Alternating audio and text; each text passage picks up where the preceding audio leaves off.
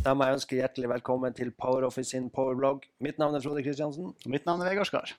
I dag Vegard, skal vi se litt på e-faktura og avtalegiro. Ja, i Go så har vi hatt ganske lenge støtte for både e-faktura og avtalegiro.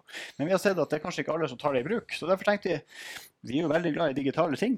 Og vi er jo veldig glad i lettvinte betalingsmåter, så da må vi spre det gode ord. Hva er egentlig forskjellen på hva, Når du sier e-faktura og avtalegiro, hvem er det til? Ja, E-faktura og avtalegiro er jo til privatpersoner, så det er jo ikke den her EHF-en som man ofte er fra bedrift til bedrift.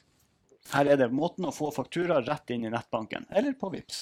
Og det her vil jo kanskje være folk som driver på med, med la oss si, sameie eller eh, boligbyggelag, et eller annet der, Ja. der du sender ut uh, husleie f.eks. til, eh, Mm. til eh, private brukere. Ja. ja, det er for alt som skal sendes ut til private. Og jeg brukte det sjøl som forretningsfører i, i et sameie, så jeg har jo god erfaring med det her. Og det var veldig kjekt. Var rett og slett aktiverte bare på at vi skal sende ut e-faktura og avtalegiro. Og eh, da som var veldig greit, var at om de som mottok fakturaen hadde lyst til å betale med avtalegiro, vær så god. Jeg trengte ikke å tenke mer på det. Go fiksa resten. Og i tillegg så kan du koble til VIPS Ja. imot eh, e-faktura og avtalegiro, så du kan Ja. betale rett i VIPS. Den kommer med på kjøpet, så bankene tar jo en tre kroner for det her. Men for å si det sånn, det du sparer i arbeid, og det at du får gjort det mye enklere for kundene dine å betale, det har du fort henta inn der. Kan vi se hvor vi setter opp Ja. i, i, i programmet? Vi gjør det. Her er vi jo inne i vår kjære Go, og da går vi inn her på innstillinger, og så går du ned på fakturainnstillinger her. Og inne der så har du det som heter leveringsmåte. Og her velger du hva som skal være standard, eh, og du hadde en tanke om hvorfor det var lurt å ha e-post som standard.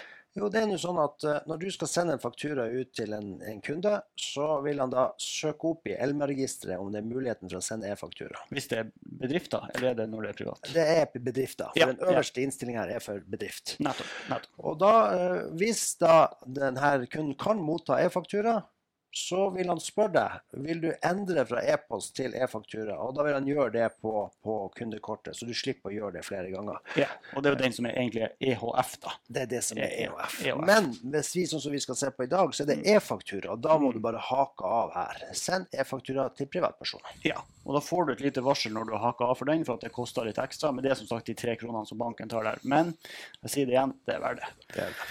Så her legger du bare inn en e-post til kontaktperson, sånn at eh, de som da håndterer det her, som er nett, vet hvem de skal ta kontakt med hvis det skulle være noe som feiler.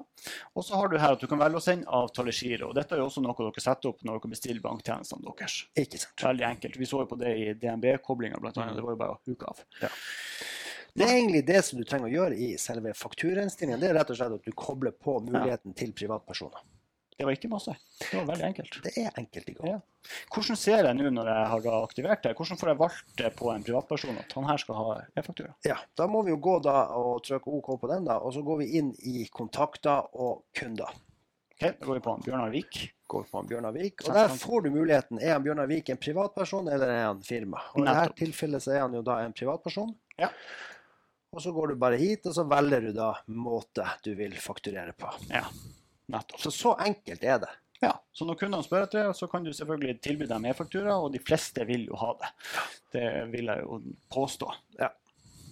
Og da, når du har aktivert e-faktura på, eh, på dem, så har jo da VIPS kommet med på kjøpet. Mm. Så da er det, får de det der også, og da er det i hvert fall enkelt å betale. Herlig. Ja, det her liker vi. Det er digitalisering på godt nivå. Men da har vi gjort vår eh, hva vi skal si, mosjon. Men det var egentlig misjon. jeg skulle si. Ja. Og da er det å si Tschüss. Tschüss.